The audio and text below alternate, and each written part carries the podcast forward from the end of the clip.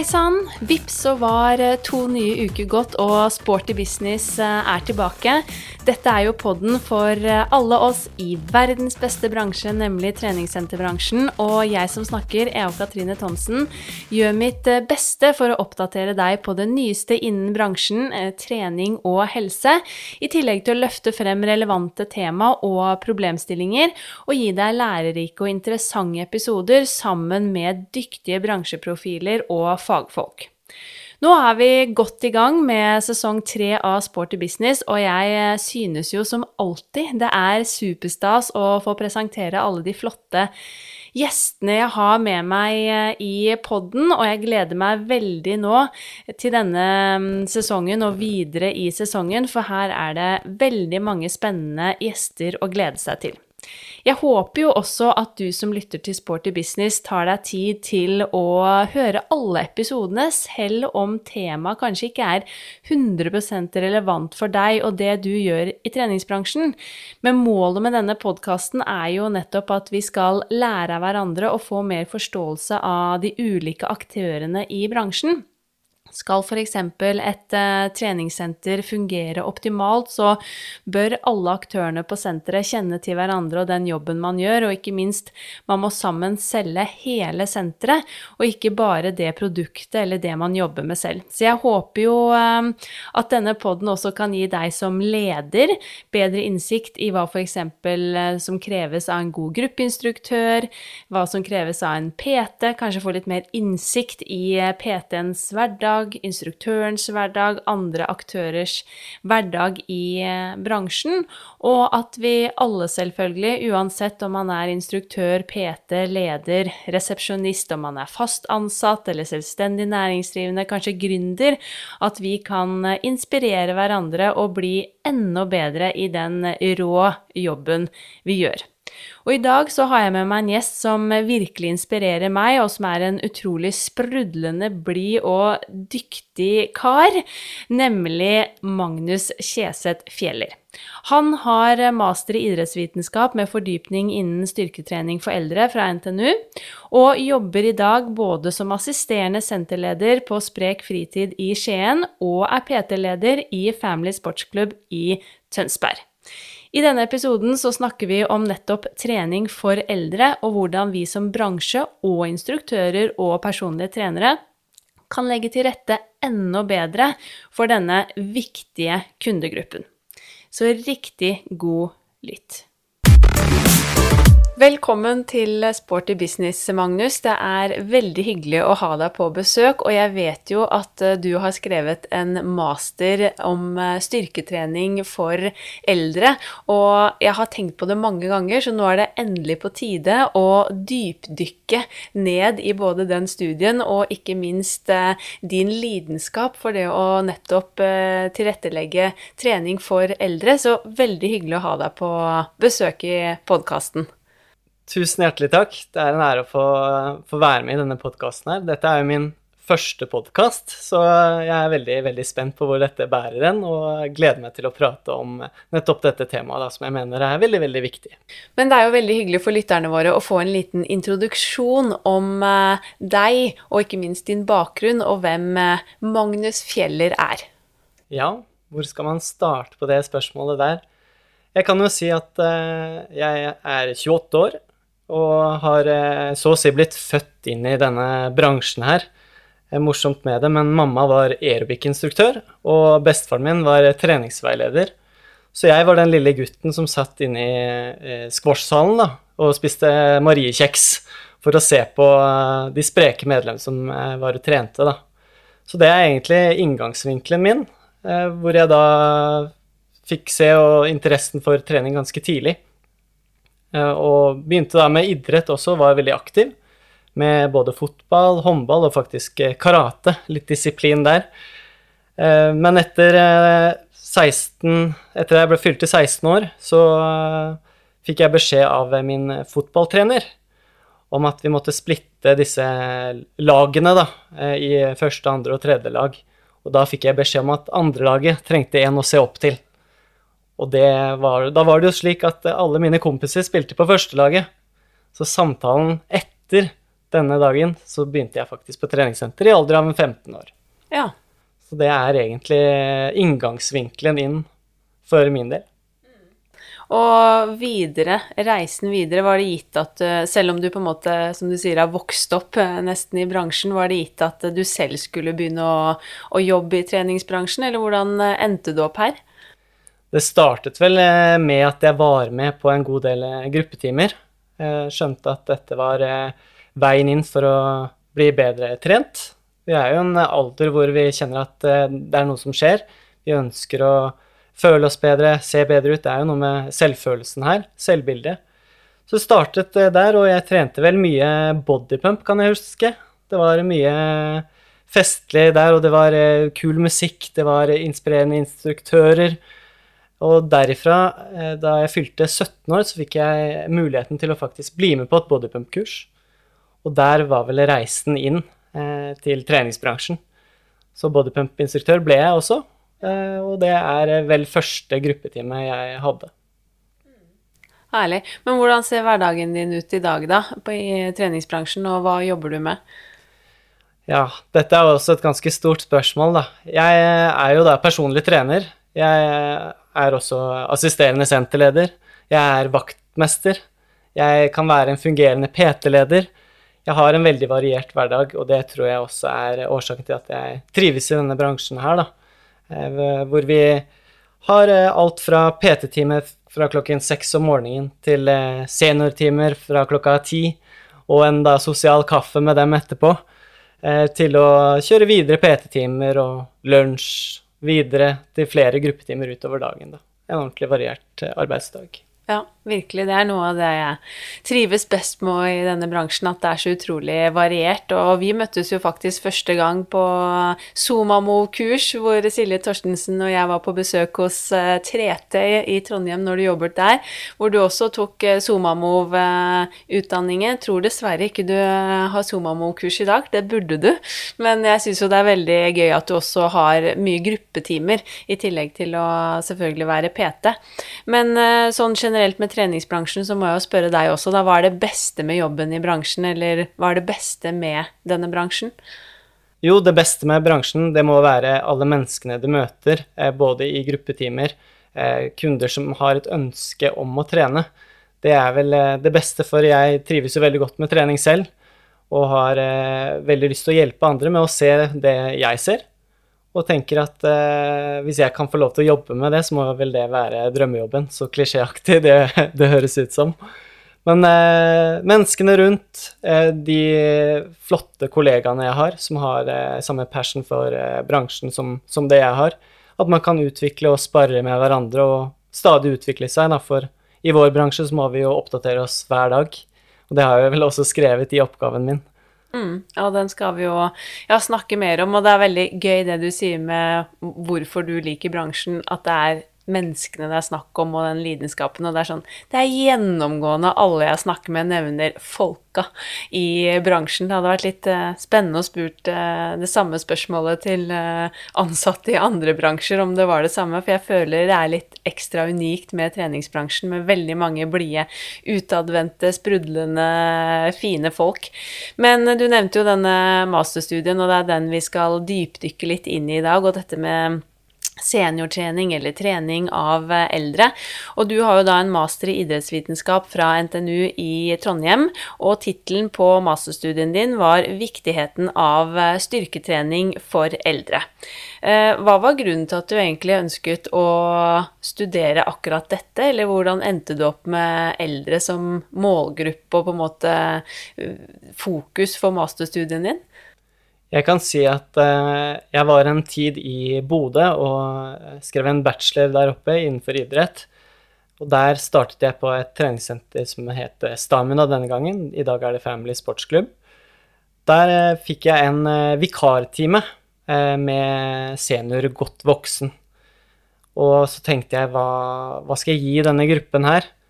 hva slags tre trening, hva slags musikk, hvordan skal jeg legge til rette? Så det første jeg gjorde, var å eh, finne musikk. Jeg måtte jo søke på 70-, 80-, eh, 90-tallsmusikk, da, for jeg tenkte dette her må jo være slagere. Så det endte jo da opp med at eh, denne timen her gikk egentlig veldig bra. Jeg fikk også muligheten til å ha en vikartime til. Én vikartime ble til to timer fast i uka. Og timene fulgte seg opp, og det var egentlig fullt de to årene jeg var der. Og det ga meg en veldig god følelse, for etter hver time så kom det medlemmer bort til meg og fortalte om at de hadde plager og skader. De gikk, hadde tidligere gått til leger, andre behandlere, da. Og det endte jo da opp med at de sluttet å gjøre dette her fordi at de var med meg to ganger i uken. Dette ga meg en følelse at jøss, er det jeg som får dem friske eh, og bedre? Da tenkte jeg dette her må jo jeg gjøre mer av. Og det var nettopp det jeg gjorde. Da tok turen da til Trondheim, søkte meg inn på master og kom meg inn i treningsbransjen, som, da, som nå heter 3T. Og her begynte jeg også da med å ha seniortimer. Og samtidig med å studere og jobbe, så tenkte jeg her må jeg være smart, for jeg bruker enormt mye tid på treningssenter. Og jeg har jo lyst til å studere også, så jeg slo dette her godt sammen. Og da endte det opp med at jeg, jeg tok noen samtaler med min eh, daværende senterleder og eh, veileder. og Spurte om jeg kunne koble dette her sammen på et vis. Og faktisk hente deltakere eh, fra treningsstudiet. Og gjøre en treningsintervensjon, da. Mm. Veldig spennende. Det minner meg om min eh, masterstudie når jeg gikk på NIH, og da, som du sier, elsket treningsbransjen og ønsket å jobbe der parallelt. Og tenkte også at jeg har lyst til å gjøre noe jeg kan bruke videre, som ikke bare blir en studie som på en måte bare er på papiret, eh, og for å bare bli ferdig med den masteren, hvor jeg endte opp da med å gjøre studie innen gruppetrening. Og det tenker jeg til Hvis det er noen som lytter på, da, som lurer på hva de eventuelt skulle tatt en eh, Eller hvis de skal skrive en master, så tenker jeg det er ganske lurt å tenke sånn som du gjorde, for da får man faktisk et stort utbytte av det, noe man kan bruke i etterkant, som du virkelig har gjort. Men når vi snakker om dette med da, godt voksne, eller seniorer, eller eldre, er det noen definisjon på denne målgruppen, altså alder, eller er det litt uh, tilfeldig hvordan man definerer eldre eller seniorer? Ja, det er et veldig godt spørsmål. Vi har vel eh, Jeg fikk dette spørsmålet på muntlig høring på masteren, så jeg vil nå si at eh, hvordan skal man forberede seg på, på, akkurat dette her? Jeg vil si eh, akkurat som vi blir eh, voksen etter at vi fyller 18 år, så vil jeg nok si at eh, etter fylte 65 år vil jeg nok definere oss som, som eldre og godt, godt voksen. Men igjen, dette er jo ikke svart på hvitt. Jeg vil eh, si at du skal få lov til å kjenne litt på det selv. Og om du er klar for å bli eldre og godt voksen, så skal du få lov til det. Noen vil jo si at de er kun voksne helt til de pensjonerer seg, f.eks.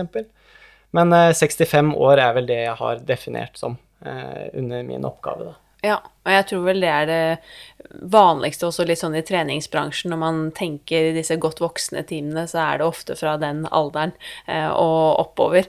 Men kan du ikke fortelle litt om denne masterstudien din? Formål, hensikt, hva du faktisk eh, undersøkte. Eh, kanskje litt om metodene, og da først og så selvfølgelig resultatene, som kanskje er det mest eh, spennende. Ja, absolutt. Det var jo styrketrening for eldre jeg var ute etter. Og det, så her måtte jeg gå noen runder med meg selv. Styrketrening, hva ønsker jeg å finne ut her? Jeg vil nok eh, se etter forskjellige metoder. Hva fins av styrketrening i dag? Jeg må, måtte gjøre en ganske god research. Se hva andre hadde gjort før meg. Og det er mye forskning på feltet. Men sammenlignet med andre målgrupper, så er det faktisk ganske snevert. Eh, og ut ifra de tilbakemeldingene jeg hadde fått fra alle gruppetimene, så tenkte jeg jeg skal satse på dere. Så her var det å finne en treningsmetode som eh, eh, kanskje var litt unik. Og jeg valgte da styrketrening, for jeg vet hvor godt det både er for muskelsvekkelse, som skjer i en alder av ganske tidlig alder, faktisk. Tanken var å se mer på unilateral styrketrening. Eh, unilateral betyr jo da ensidig muskelarbeid. Eh, jeg så på det som en veldig funksjonell bevegelse, det å hente noe, det å løfte en, en sekk. Jeg bruker veldig ofte eh, det å trekke Dra i gang gressklipperen som et eksempel. Og noen ganger må du faktisk dra til litt for å få liv i denne gressklipperen eller snøfreseren. Og da tenkte jeg jeg vil gjerne ha trekkbevegelser, jeg vil ha pressbevegelser, jeg vil inkludere både overkropp og underkropp. Og det er vel det i det store og det hele. Eh, samtidig som man det ville vite litt eh, med forskjellige forutsetninger av disse eldre jeg tok inn i studien min. Og jeg tok inn i hovedsak seks menn og seks kvinner. Men det endte jo da opp med kun fem av hver av ulike andre årsaker. Eh, men jeg fikk eh, masse gode resultater. Eh, jeg gikk gjennom da disse ti deltakerne, og de skulle gjennom et ni ukers treningsregime. Jeg hadde litt variert trening, men i all hovedsak så besto det av ganske tung styrketrening. Alt ifra Vi testet jo da eh, hvor tungt de klarte på disse tre øvelsene. Jeg hadde en sittende brystpress, jeg hadde en sittende trekkbevegelse, og jeg hadde en benpressbevegelse. Så vi måtte jo teste hvor mye de klarte første dag de, de kom innom. Og testa da selvfølgelig da igjen etter ni uker med ganske systematisk trening. Vi vil nå si ganske avansert trening. Det er ikke sånn du ser overalt, og de fleste gjør, med denne unilaterale treningen.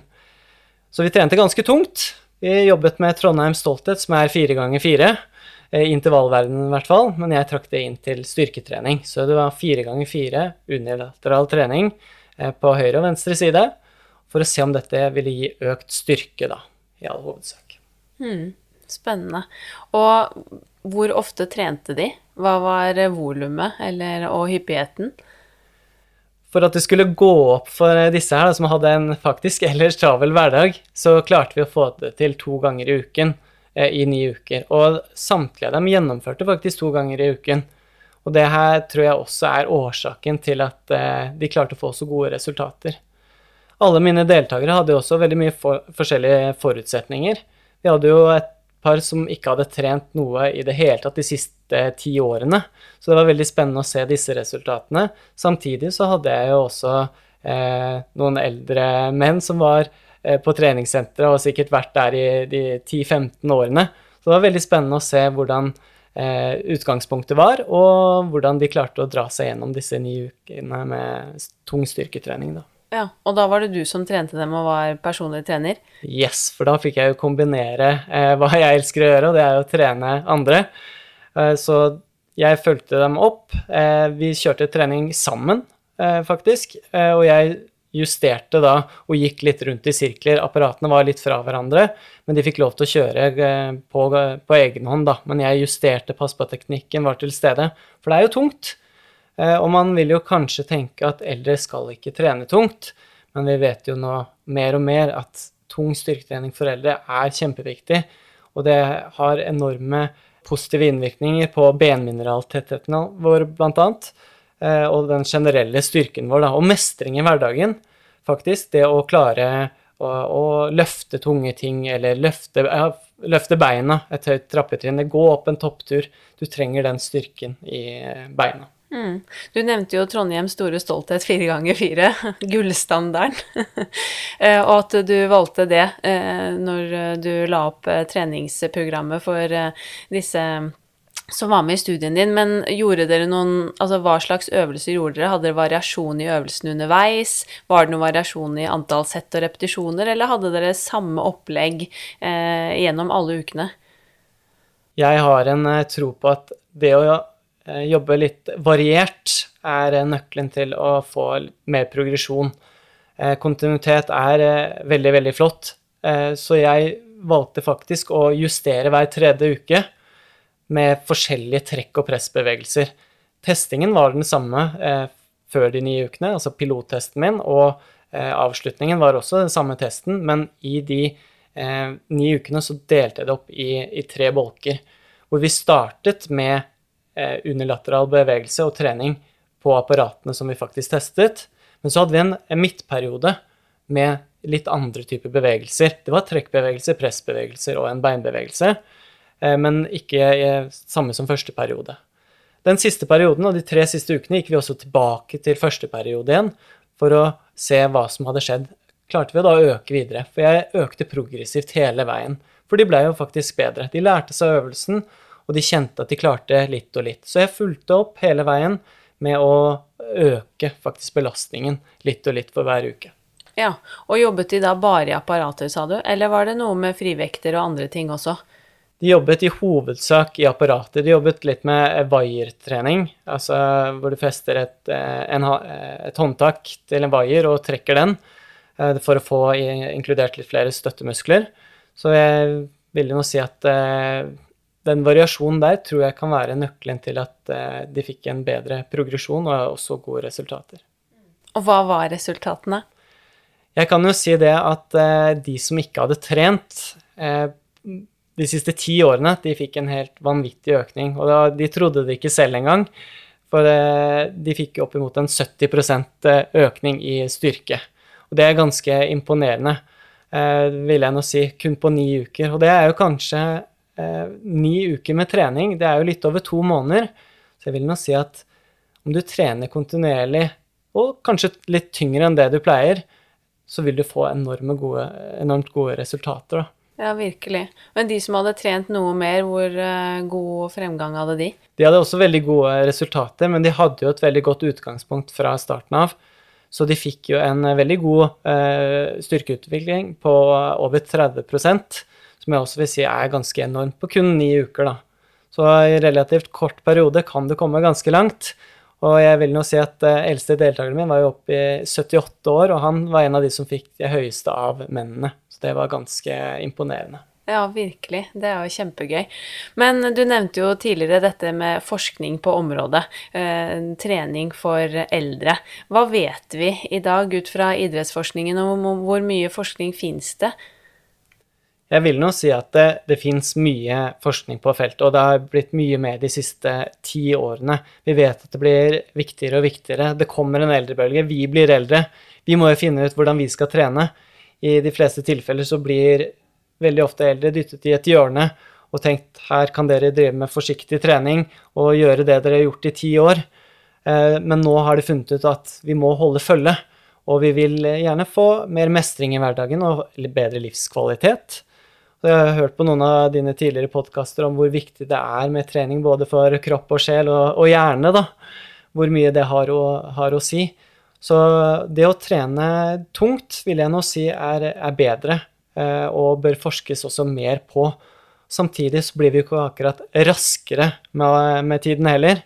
Så det å faktisk trene mer eksplosivt i en fase av et løft, f.eks. Hvis du presser, så kan du prøve å presse litt raskere og så bremse på vei tilbake i en sånn eh, konsentrisk, eh, eksentrisk fase. Så dette er jo noe vi kanskje bør fokusere mer på. Og jeg tror eh, vi kan komme enda lenger og bli enda eldre og bli enda sterkere med tiden om vi velger å fokusere mer på det. Ja, og vi vet jo, som du nevner, ganske mye om dette med at styrketrening er viktig for eldre, og det er aldri for sent å begynne, og de har utrolig god fremgang uansett når de begynner å trene styrke.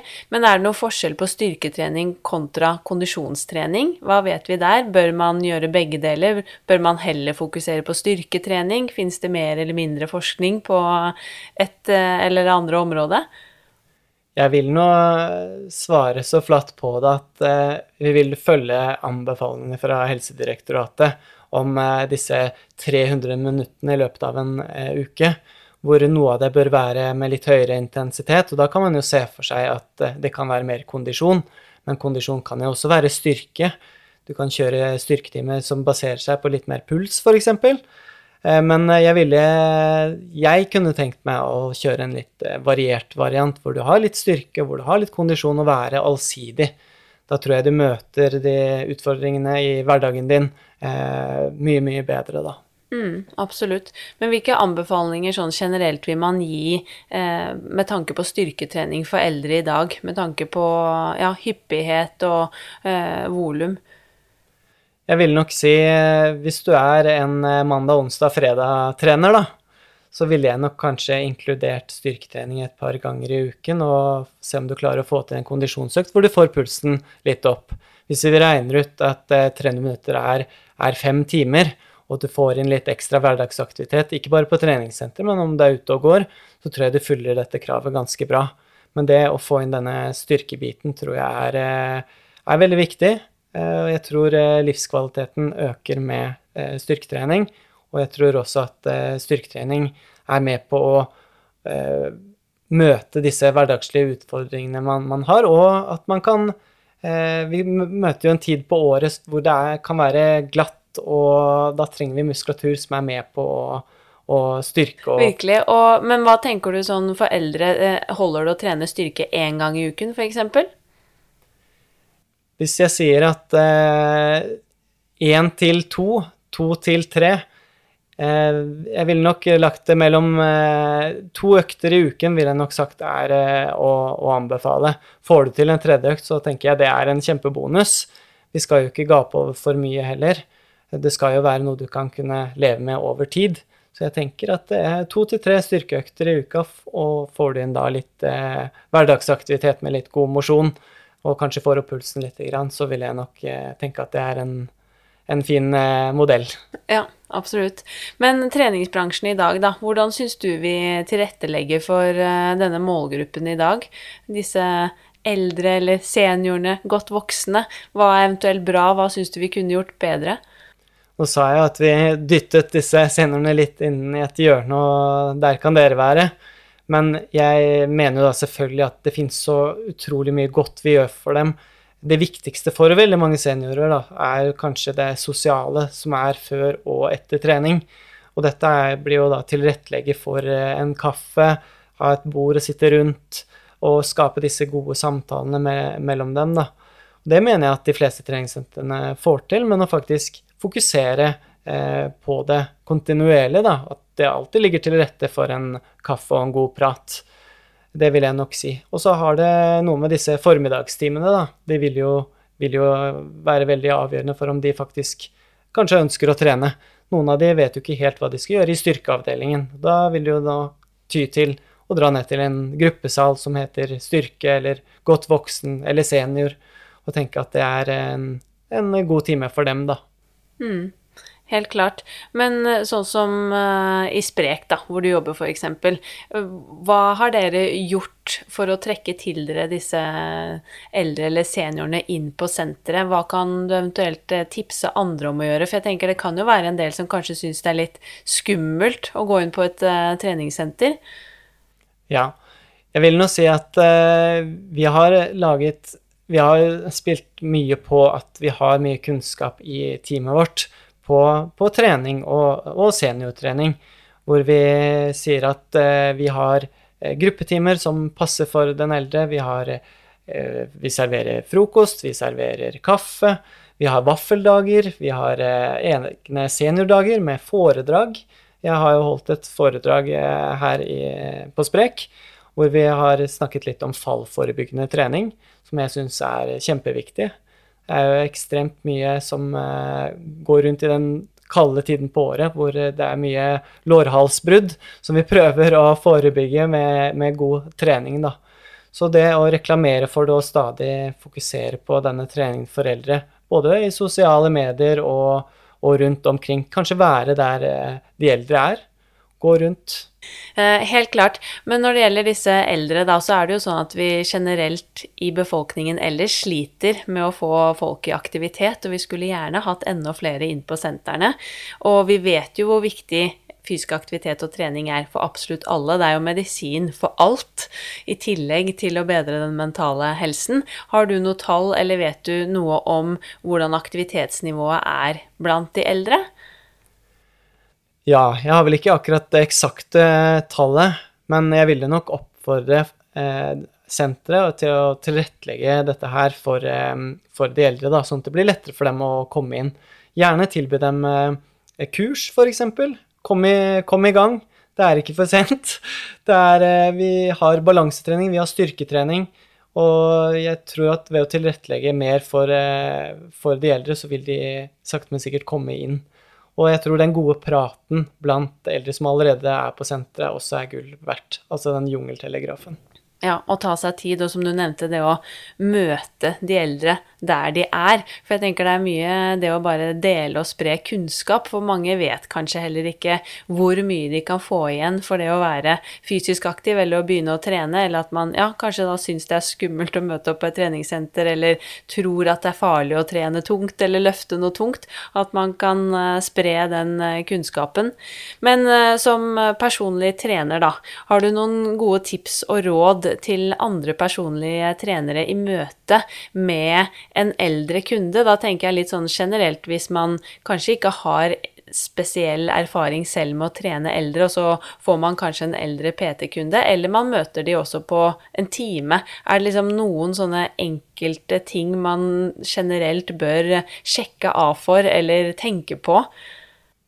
Ja, jeg vil nå si det gjelder jo eh, PT-yrket, da. Det å være en god lytter, det å møte kundens behov. Og det gjelder kanskje spesielt for seniorer, da, som har mye bagasje, kanskje har noen skader. Eh, og da vil det jo være eh, veldig hensiktsmessig å lytte på hva faktisk senioren ønsker, da. Om det er styrketrening, om det er kondisjonstrening, og bruke god tid. Det jeg har fått mye tilbakemelding på, er det å være tydelig. Det å forstå det at kunden forstår hvorfor vi gjør det vi gjør, at det kan trekkes eh, en rød tråd mellom den treningen vi gjør, og hva som kommer fremover i tid. Det å, det å være sterk fram i tiden, for eh, muskelmasse er ikke noe som kommer av seg selv, og ikke balansen heller. Så det er noe viktig vi må få frem, og det vil jo da øke denne livskvaliteten utover årene som kommer, da.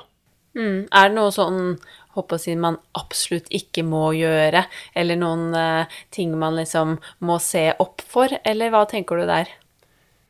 I de fleste tilfeller så har uh, man tenkt at man ikke skal gjøre så veldig mye uh, med disse eldre.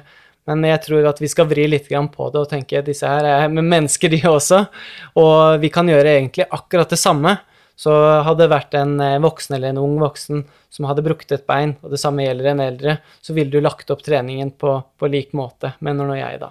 Mm, ja, det tror jeg er et veldig godt poeng, for jeg føler jo at uh, noen kan bli litt sånn redde for at nei, men du må være så forsiktig med det, eller det kan vi ikke gjøre. Jeg har jo også vært borti behandlere som sier at nei, nå må du ta det helt med ro hvis man har noen vondter, hvor vi vet at det er vel egentlig det verste rådet man kan få, det å slutte å bevege seg.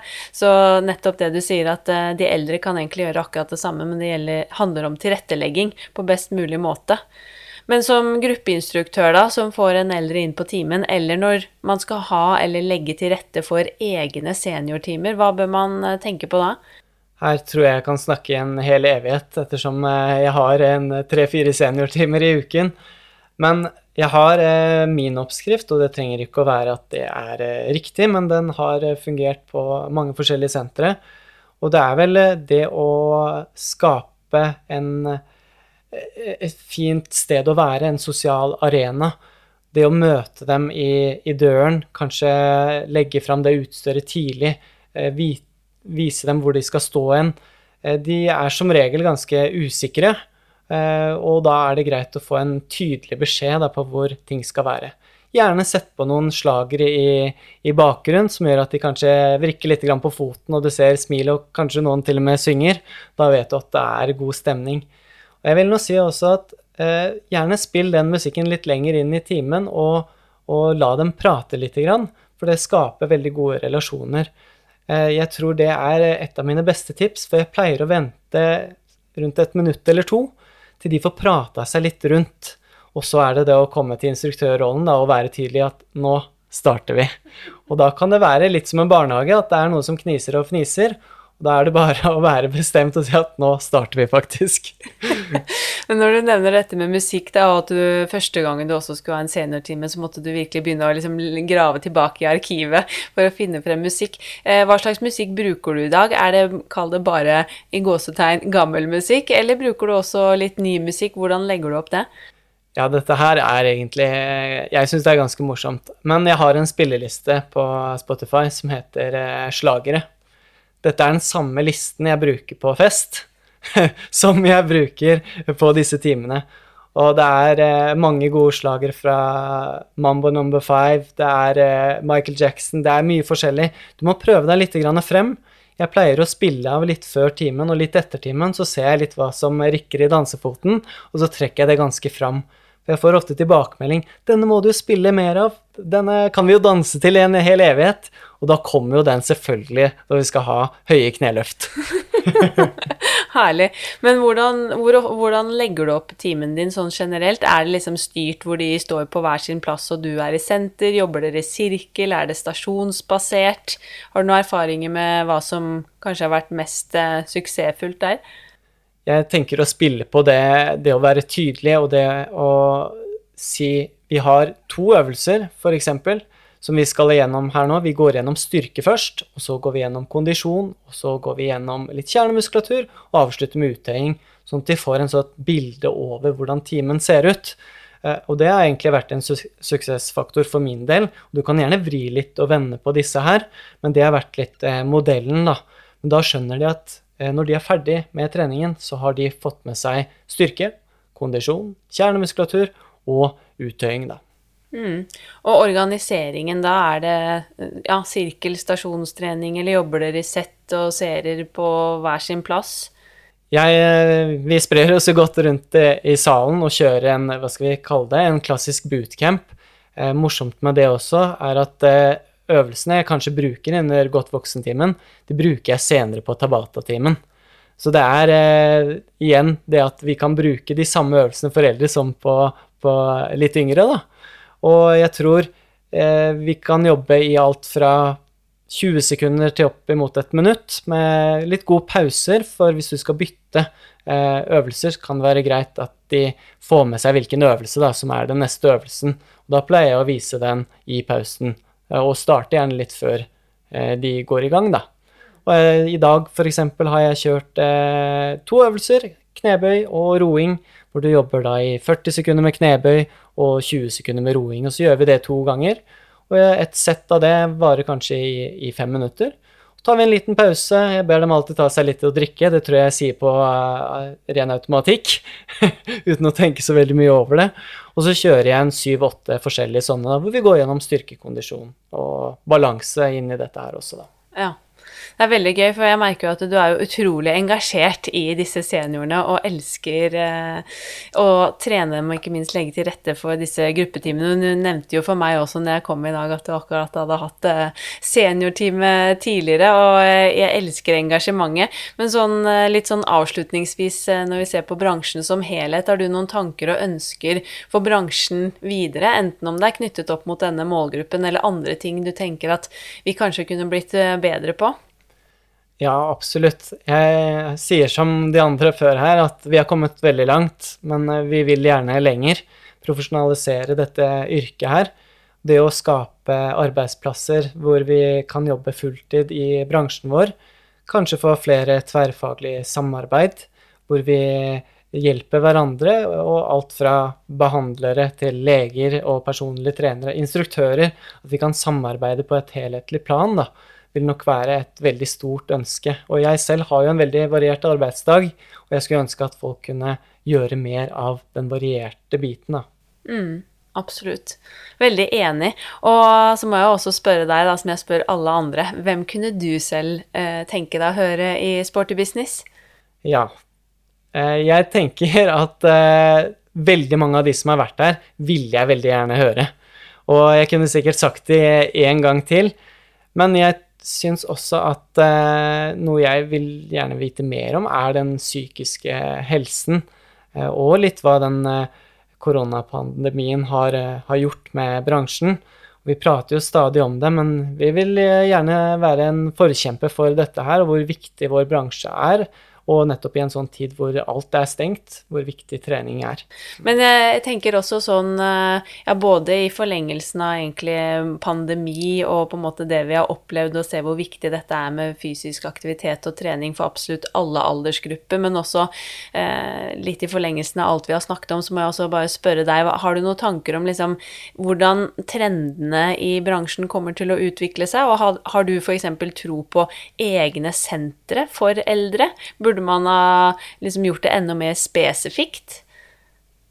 Jeg, jeg, er veldig enig i det du sier. Det å kunne få eh, egne sentre for, for eh, seniorer tror jeg kan være veldig viktig, men jeg tror det da ikke bør hete seniorsenter.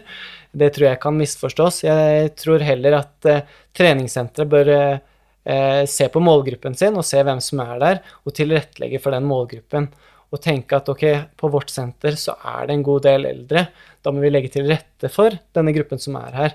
For først vil de jo pleie eksisterende kunder, og så kan du begynne å lete etter, etter nye. Mm, absolutt.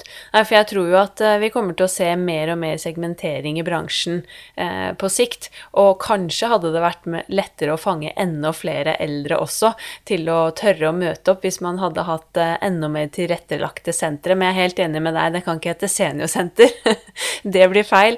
Men som du sier, også virkelig utnytte senteret, og spesielt formiddag og dagtid hvor det er stille på sentrene, og bruke den tiden og legge til rette for de eldre eldre, og ikke minst da ikke glemme denne kaffekoppen eller eh, fredagsvaflene eller fredagskakene. Jeg husker jeg steppet inn som uh, vikar for mange, mange herrens år siden på Kondis Stovner, der jeg begynte å jobbe som instruktør på seniortimer også. Og jeg vet ikke hvor mange kaffer og kaker jeg har vært med på i etterkant av de timene, og det var jo virkelig høydepunktet. Så eh, jeg tror vi skal begynne å runde av. Du skal jo løpe videre til PT-time så du må komme deg av gårde. Men uh, det har vært veldig hyggelig å ha deg med i poden. Jeg setter stor pris på at uh, jeg fikk komme på besøk til uh, Sprek, og at du ville være med i poden.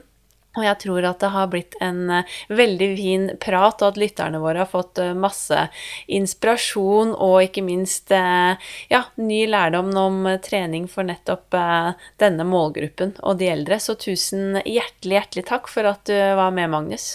Tusen hjertelig takk til deg.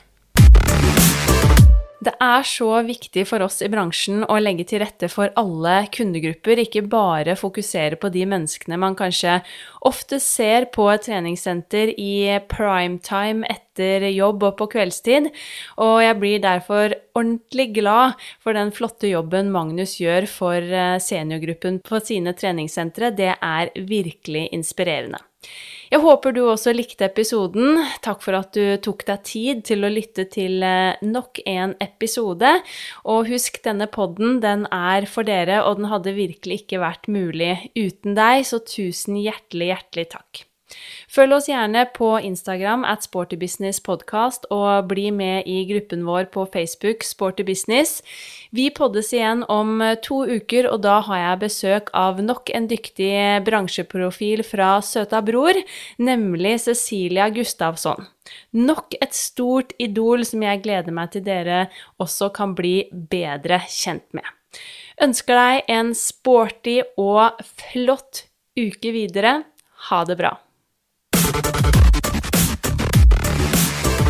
Denne podkasten produseres av Innspartum Akademi og North Stories.